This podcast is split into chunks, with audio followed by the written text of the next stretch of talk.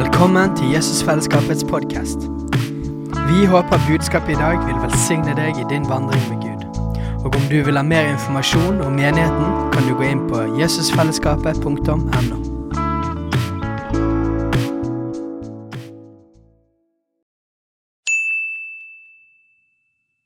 Hei!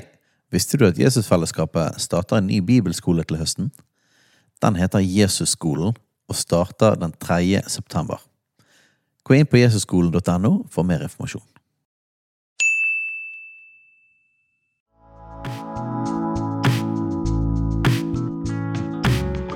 Velkommen til Jesusfellesskapets podkast. Vi håper budskapet i dag vil velsigne deg i din vandring med Gud. Og om du vil ha mer informasjon om menigheten, kan du gå inn på jesusfellesskapet.no. Vi taler om det store oppdraget. Det er temaet vårt uh, egentlig hele resten av dette året her, og veldig sannsynlig godt inn i neste år også. Det store oppdraget. Steinar hadde intro på det over tre søndager. Det gjorde jo at Alf Kåre mente at det kom til å bli en serie på 10 000 deler. Det tror jeg nok ikke, men det blir nok mest sannsynlig den lengste taleserien i EFs historie så langt. Så får vi se hva tida viser videre. Forrige søndag var det 17. mai. Takk til familien L og andre for koselige innslag. Håper alle hadde en fin dag. Um, så da har vi da kommet til det første hovedpoenget under temaet det store oppdraget. Katrine nevnte det så vidt, så noen husker det kanskje. Jeg skal si mer etter hvert. Jeg skal bare oppsummere litt. Den greieste måten å beskrive det store oppdraget på, er det vi finner i Matteus 28, 18-20, som jo gjerne kalles misjonsbefalingen. Vi leser det sammen. Matteus 28, 18-20. Og Jesus sto fram og talte til dem og sa:" Meg er gitt all makt i himmel og på jord. Gå derfor ut og gjør alle folkeslag til disipler idet dere døper dem til Faderens og Sønnens og Den hellige ånds navn, og lærer dem å holde alt det jeg har befalt dere, og se, jeg er med dere alle dager inntil tidsaldrenes ende. Dette er oppdraget. Du finner mer om oppdraget i alle evangeliene. Du finner det i apostlenes gjerninger, og du finner det i brevene. Mange forskjellige både vers og fortellinger om det, som inneholder mer enn disse versene i Matteus, og vi skal komme tilbake til det mange ganger og på mange måter. Snakke om selve oppdraget, hva det innebærer, hvordan vi gjør det, osv. osv. Det er det på en måte stort sett resten av høsten og kanskje langt inn i neste år kommer til å handle om. Men i dag så skal vi rett og slett se på grunnlaget for oppdraget. For før vi begynner å se på hvordan vi skal gjøre et oppdrag, dette store oppdraget, så er det veldig greit å se på hvorfor. Et hvordan bør alltid ha et hvorfor, etter min mening. Ta noe så enkelt som hvorfor spiser du? Jeg kan jo gjerne fortelle hvordan man spiser, men eh, hvorfor spiser vi? Vi spiser fordi kroppen trenger næring, og det gjør at derfor spiser vi. Derfor kan vi snakke om hvordan. Eh, barn er ypperlig på dette her. Jeg har ikke barn sjøl, men jeg har nå vært hjemme hos mange nok barn og har vært barnevakt. at Stort sett uansett hva du ber et barn om å gjøre, så kommer spørsmålet hvorfor det? Noen som har hørt det, kanskje? Ja, men hvorfor det? Og en god forklaring på hvorfor motiverer et menneske til å gjøre noe, enten det er barn eller voksne. Eh, hvis vi skjønner hvorfor vi skal gjøre noe, hvorfor noe er viktig, så får vi motivasjon til å gjøre det. Enig i det? Jeg håper dere er det.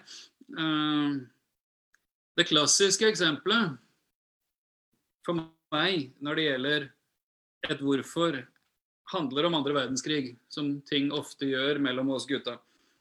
D-dagen, langgangen i Normandie. Mellom 200 og 300 000 soldater, fly, båter osv.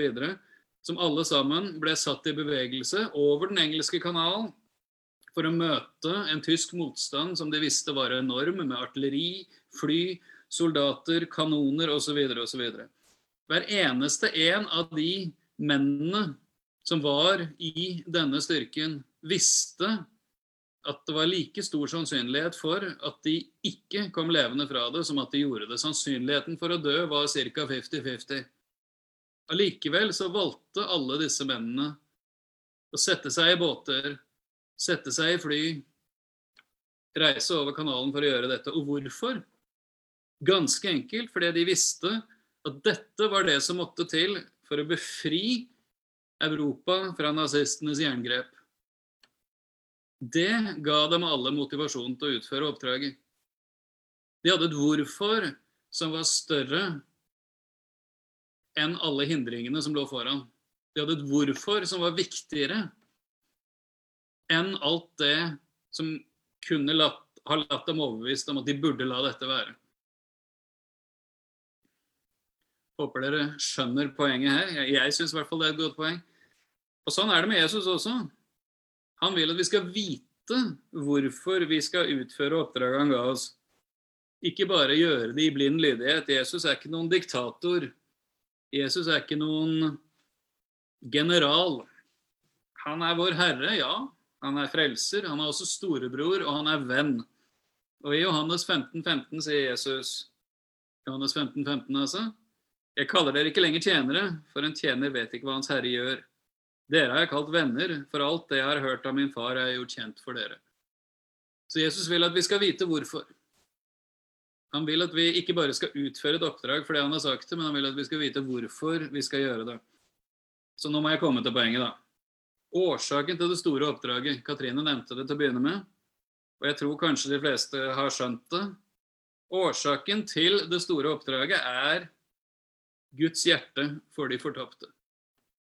Ganske enkelt. Guds hjerte for de fortapte. Og Vi trenger ikke gå lenger enn til et så sentralt bibelvers som Johannes 3, 16, så finner vi det. For så høyt har Gud elsket verden at han ga sin sønn, den enbårne, for at hver den som tror på ham, ikke skal gå fortapt, men ha evig liv. For så høyt har Gud elsket der er årsaken. Guds kjærlighet, Guds hjerte til de fortapte. Og vi skal se litt grundig på dette her.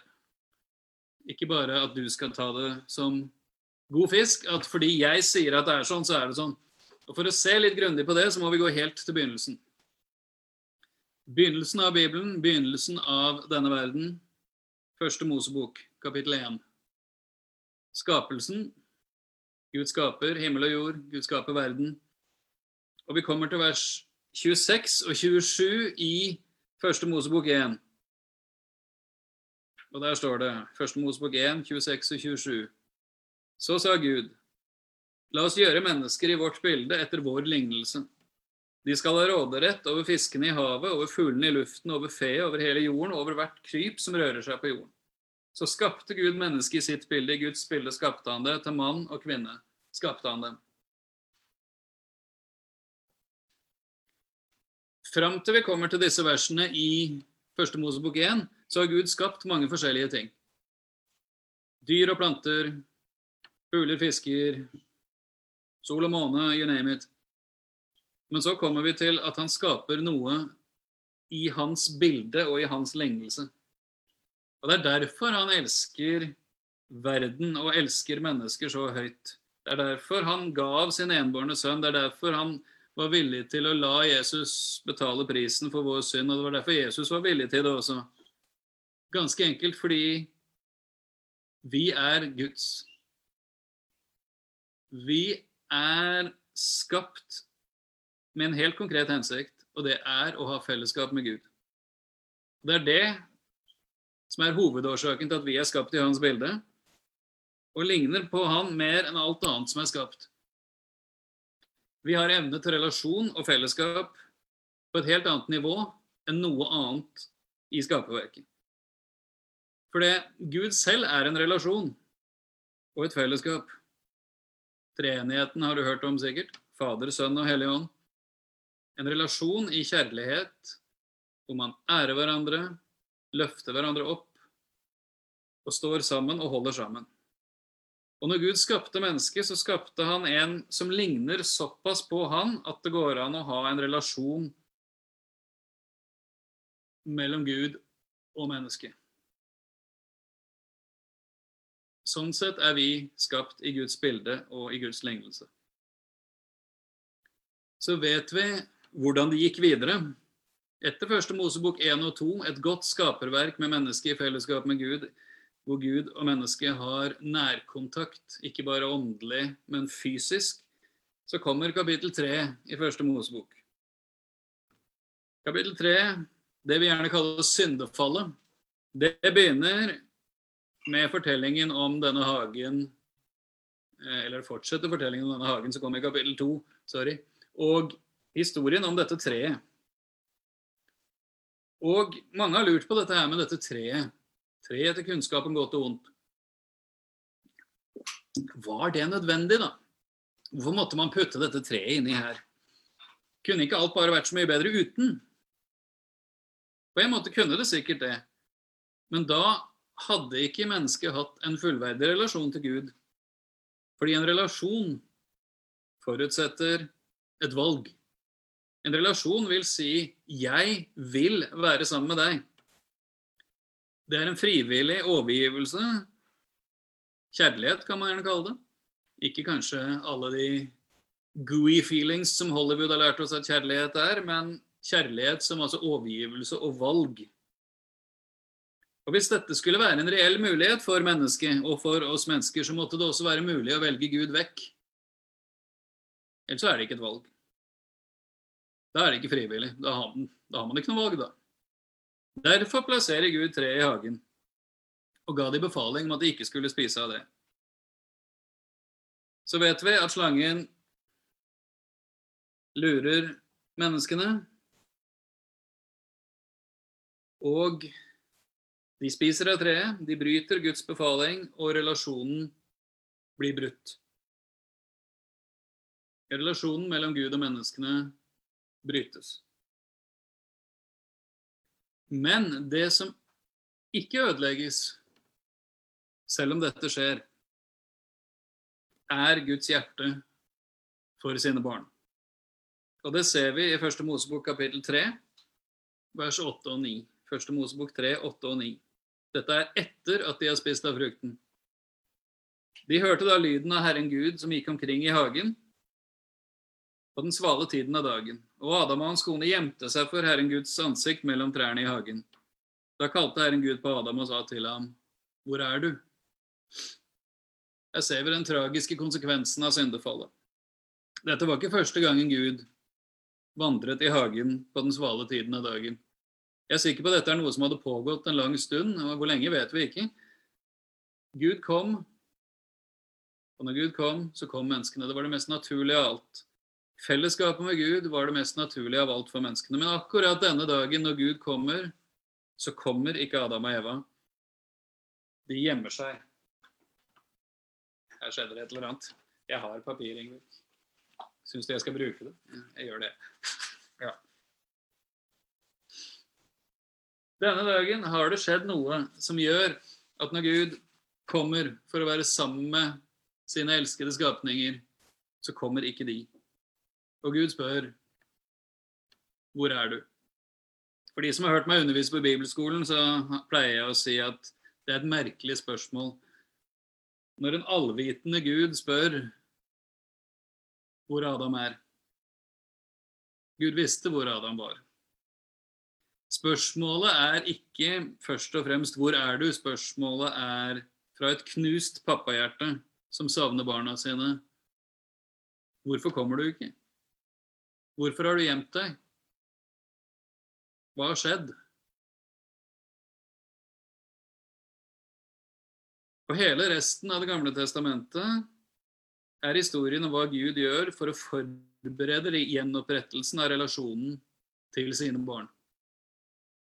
Historien om Noah.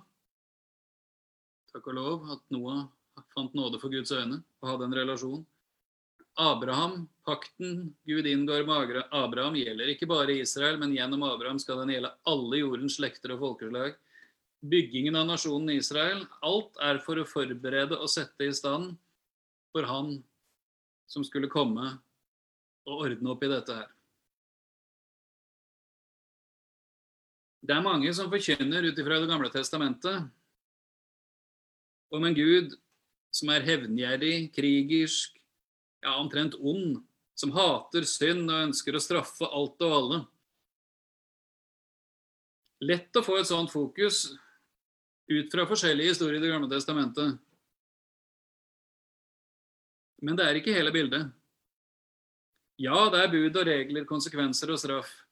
Men det handler mye mer om hvordan Gud prøver og kan omgås mennesker som lever i opprør mot han. Budene, reglene, lovene, kravene og alle sånne ting er regler for at en Gud som egentlig ikke kan ha fellesskap med mennesket i menneskets syndige tilstand, kan være så nær som mulig. Uten at mennesket mister livet av den grunn. Og vi ser dette hjertet hos Gud allerede i historien i Første Mosebok 3. I vers 21 i Første Mosebok 3 så står det etter at Gud da sender Adam og Eva ut av hagen, ut fra stedet for, for fellesskap med seg. Første Mosebok 3,21. Herren Gud lagde kjortler av skinn til Adam og hans kone, og han kledde dem.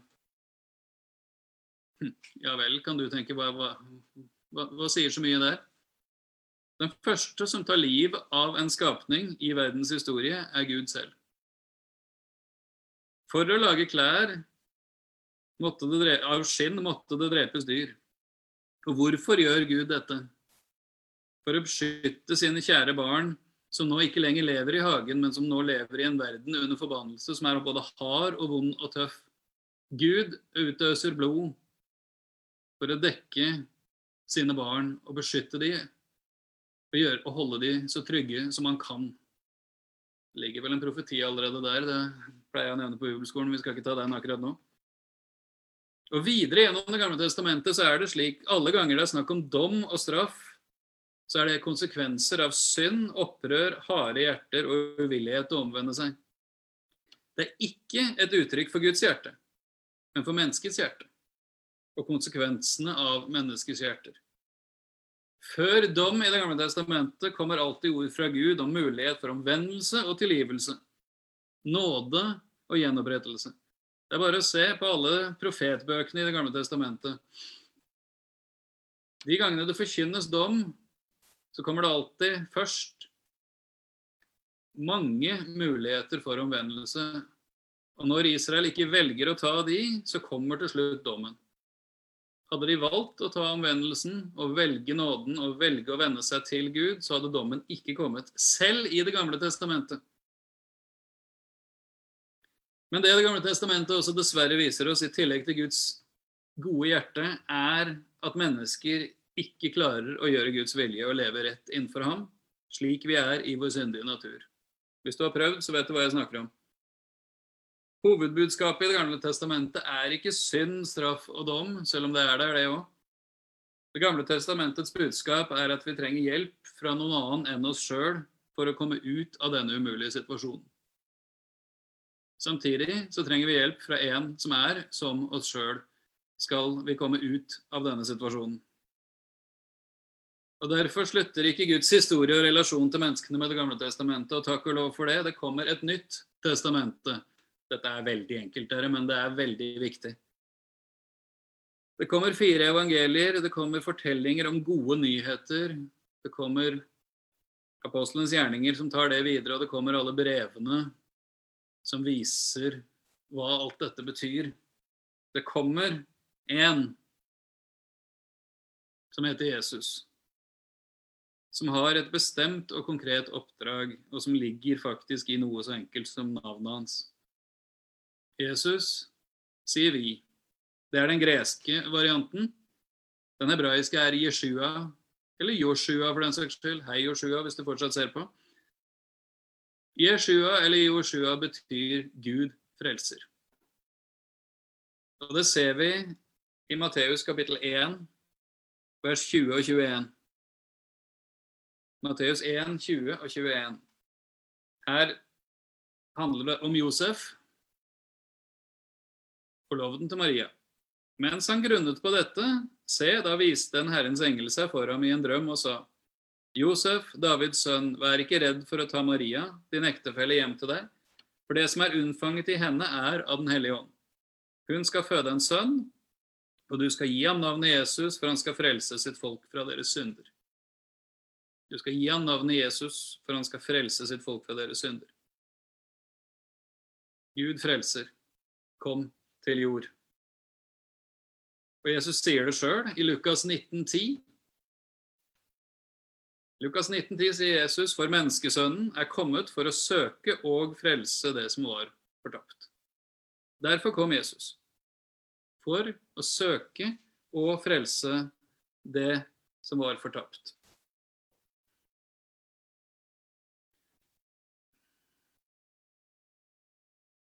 Fikk jeg bare en melding her som hadde med, hadde med sendinga, men det går bra. Sagt litt enkelt, hvis vi lurer på Guds hjerte for mennesker, Guds hjerte for de fortapte, så er Jesus Guds hjerte for mennesker demonstrert og personifisert. Det samme hjertet som kommer til uttrykk i Det gamle testamentet, men som man kanskje må lete litt mer for å finne der, kommer så tydelig til uttrykk i Jesus at det er umulig å misforstå. Kunne ha lest mange andre vers fra evangeliene for å bevise det, men jeg tar fram et som er en av mine favoritter. Matteus 9,36. Matteus 9,36, der står det om Jesus. Da han så folket, fikk han inderlig medynk med dem, for de var herjet og forkomne som får uten hyrde. Inderlig medynk. På engelsk i en del oversettelser så står det He was moved with compassion. Han ble bevega av barmhjertighet. Når Jesus ser mennesker, så ser ikke Jesus uff, disse forferdelige synderne. Jesus ser ikke åh, disse menneskene som ikke klarer å holde på med alt det der jeg ikke vil de skal holde på med. åh, hvor lenge må jeg tåle å leve her altså, med disse forferdelige menneskene? Han ser herjede og forkomne mennesker som er som får uten hyrde. Fordi de rett og slett ikke har noen hyrde, fordi mennesket valgte å leve vekk fra Gud. Og i alt Jesus gjør, viser han Guds hjerte for de fortapte. Vi ser det tydelig i møter med mennesker, enten det er helbredelser, befrielser, andre under, tilgivelse, anerkjennelse, oppreisning og gjenopprettelse. Tenk bare på Sakkeus, Verset fra Lukas 19 om at han var kommet for å søke og frelse det som var fortapt, er sagt i møte med Sakkeus. Maria Magdalena, som mest sannsynlig var en prostituert som Jesus satte fri fra syv onde ånder, og som er den første som møter den oppstandende Jesus, snakk om gjenopprettelse. Kvinnen som ble grepet i hor. Ha, det ble ikke det showet med blod og steining som eh, de hadde sett for seg, hvor de klarte å fange Jesus isteden, så får damen høre heller ikke jeg fordømmer deg, gå bort og synd ikke mer. Eller Peter. Han som hadde en så høy bekjennelse at om så alle andre forlater deg, så skal ikke jeg forlate deg. Og jeg vil gi livet mitt for deg. Han fornekter tre ganger. Å få møte Jesus og bli gjenoppretta og få både tilgivelse og kall og oppdrag bekrefta på nytt. Jesus er Guds hjerte for oss fortapte mennesker. Jeg får nesten lyst til å si halleluja. Og også Jesus fra den strenge sida viser Guds hjerte. For det, når vi ser på Jesus, så er Jesus streng en god del ganger. Han er til og med sint noen ganger. Han er ikke så mild som en del salmer vil ha det til.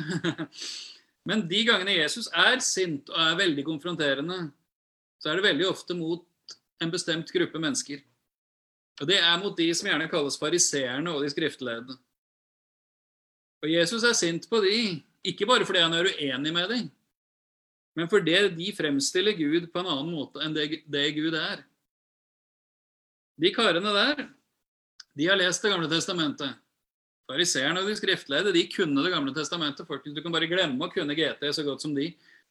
Det påstås at de beste fariseerne og skriftleide de kunne hele Det gamle testamentet utenat på hebraisk. Lykke til. Men alt de hadde fått ut av det, var Guds bud, regler, straff og dom. Alt de hadde fått ut av det, var alt det som ikke var grunnlaget. De hadde nemlig ikke fått med seg Guds hjerte for mennesker.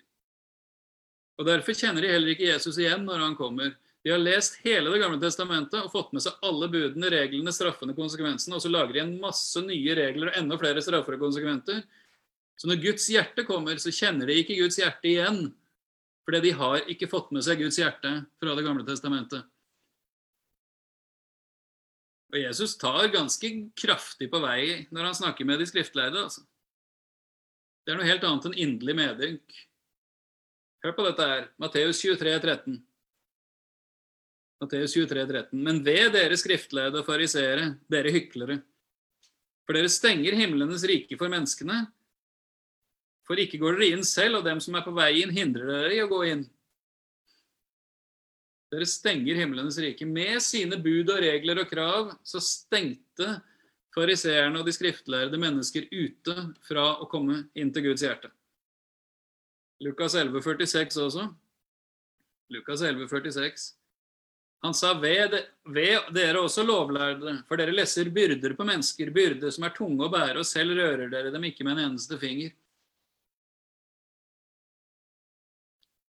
Jesus kom ikke med bud og regler og krav. Han kom for å vise Guds hjerte for mennesker.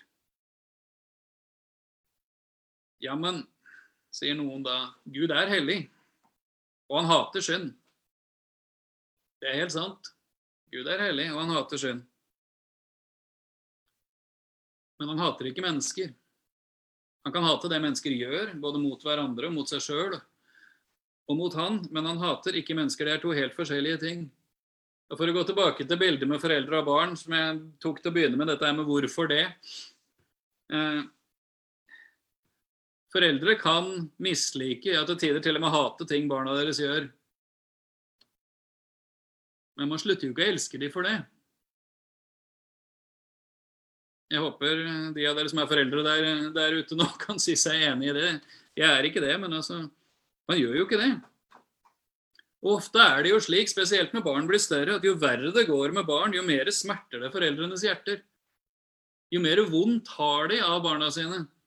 Jeg har snakka med en del forskjellige foreldre til, til voksne barn som har blitt som har havna, såkalt havna på kjøret, altså blitt alkoholikere eller narkomane. Og de hater det barna deres gjør. Og Noen ganger hater de det så mye at de kan ikke være sammen med barna deres, for det, det er ikke sjans. Det fører til vold, det fører til tyveri, det fører til elendighet for alle. Så de har måttet slå hånda av dem for å beskytte både seg sjøl og resten av familien. Men det betyr ikke at ikke de elsker, elsker det barnet. Smerten og hjertet deres for det barnet som, som, er så langt vekk fra sånn som foreldrene vil at, skal, at barna skal, skal ha det, den ligger tjukt utapå dem. Og det er en sånn nød for dem. Hvordan tror dere da det er med Gud i forhold til alle hans barn som ikke lever i fellesskap med han, og som lever på en helt annen måte enn sånn som han hadde tenkt? Hvis vi som er onde, har det sånn og fordi vi er glad i hvordan, hvordan er det da med Gud? Og hvorfor hater Gud synden? Hvorfor hater Gud synden? Det automatiske ryggmargsrefleksvaret som vi alle, alle, pleier å gi, er ja, han er hellig. Og det er helt rett. Men det er en årsak til til at Gud hater synden. Jesaja 59, vers 1-2. Jesaja 59, vers 1 og 2. Se, Herrens hånd er ikke for kort å frelse. Amen. Dette er selv i Det gamle testamentet. Herrens hånd er ikke for kort å frelse. Hans øre er ikke tunghørt, så så de ikke kan høre. Gud hører når de ber, selv i den gamle pakt. Men det er deres misgjerninger som har satt skille mellom dere og deres Gud. Deres synder har skjult hans ansikt for dere, så han ikke hører. Derfor hater Gud synden. Ikke bare fordi det er et brudd på hans hellighet og hans majestet, men fordi det skiller oss mennesker fra han. Gud ønsker å frelse, Gud ønsker å høre og bønnhøre selv i den gamle pakt, men synden skiller menneskene fra han. Og Gud hater alt som skiller mennesker fra han. Derfor kom Jesus. Derfor kom Jesus for å rive ned det skillet, for å fjerne stengselet, for at forhenget i tempelet skulle revne i to, og Guds barn igjen kunne få lov å komme hjem. Det store oppdraget handler ikke bare om misjon og menighetsplanting, om å nå ut, om å vitne for ditten og datten og den og den, selv om alt det er rett og 100% bra. Det store oppdraget handler først og fremst om å fortelle en fortapt verden i ord og i gjerning om en Gud som elsker de, og som har gjort alt som skal til for at de kan komme til Han. For å få tilgivelse for sine synder, gjenopprettet relasjon til Gud og leve som Hans elskede barn, som er det de var skapt for å være. Det handler om å få lov å komme hjem det er grunnlaget og årsaken til det store oppdraget. Hvis du nå er redd for at jeg prøver å gjøre Gud litt for snill og litt mindre hellig, så husk to ting. Denne frelsen kostet Jesus livet og er derfor ikke billig i det hele tatt. Og den eneste måten å få del den på, er å overgi seg til Jesus, ta imot Han som Herre, bekjenne sine synder, velge å følge Han med resten av sitt liv. Det er betingelsene. Guds hjerte for de fortapte er ikke å gjøre Gud for snill, det er å gjøre Gud virkelig og tilgjengelig for mennesker. Selvfølgelig ikke i egen kraft, men det skal vi komme tilbake til. Det er pinse neste, neste helg, bare for å nevne det.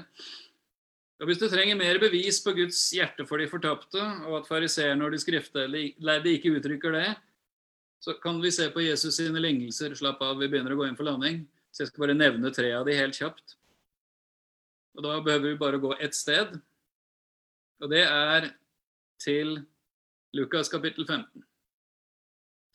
Hele Lukas kapittel 15 er lignelser fra Jesus. Og Det begynner i vers 1-3. Lukas 15, vers 1-3. Lukas 15, vers 1-3. Skal vi se her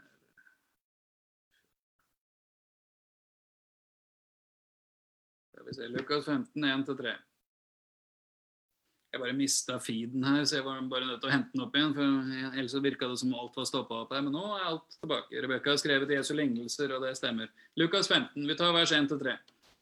Alle tollere og syndere holdt seg nær Jesus for å høre ham. Der har du Guds hjerte. Jesus var tiltrekkende på alle de som visste at det mangla noe i livet deres, som visste at de ikke fikk ting til, og som visste at ikke de tilhørte the it crowd og de som var inn i religiøse sammenhenger. Så kommer de andre, da. Fariseerne og de skriftledde klaget og sa denne mannen tar imot syndere og spiser sammen med dem.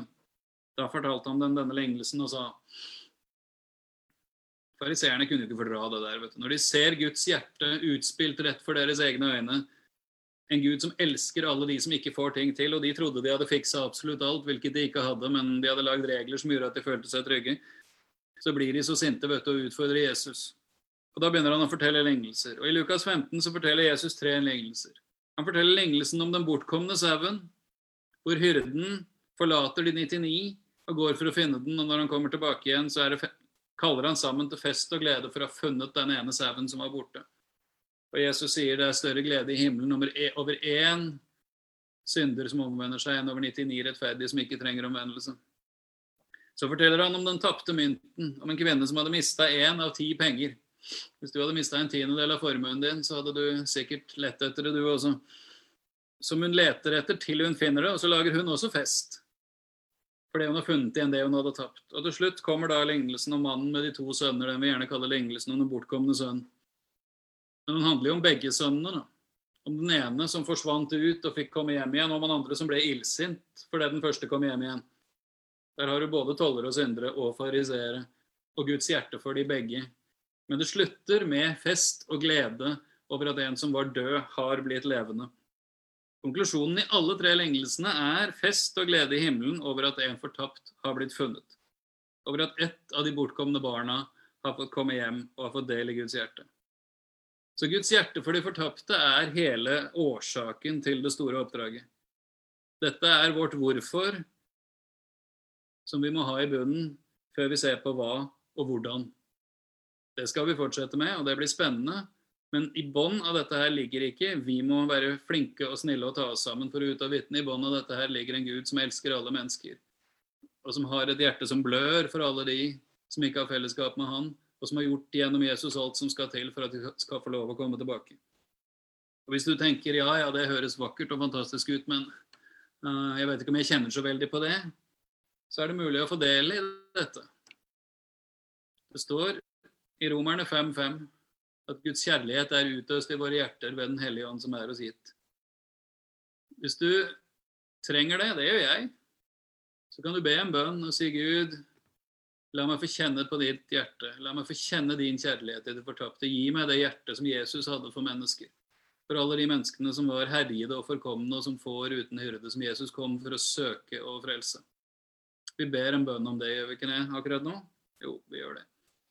Takk, pappa Gud, at du er en pappa som har skapt alle mennesker. Som elsker alle mennesker, og som lengter etter fellesskap med alle mennesker. Takk, pappa Gud, at du sendte Jesus for å rive ned alt som skiller, for å fjerne alle hindringer, for å åpne veien hjem til deg. Jeg ber, pappa, at du ved Den hellige ånd skal åpenbare ditt hjerte for oss. Din kjærlighet til alle mennesker, din kjærlighet til hver eneste en som går fortapt, både rundt oss og utover hele verden. Og at vi, Jesus, skal få kjenne på det samme hjertet som du hadde når du så mennesker. Herre, vi klarer ikke det sjøl, det er ikke noe vi kan prestere, men du kan gi oss åpenbaring og la oss få kjenne på din kjærlighet og ditt hjerte for alle de som er borte fra deg, og som er på vei til en evig fortapelse. Jeg ber i Jesu navn at du skal gi oss dette ved din Hellige Ånd. Amen. Hei, alle sammen. Det er Katrine og Steinar Lofnes her. Vi er hovedledere for Jesusfellesskapet. Så kjekt du har lyttet til denne podkasten.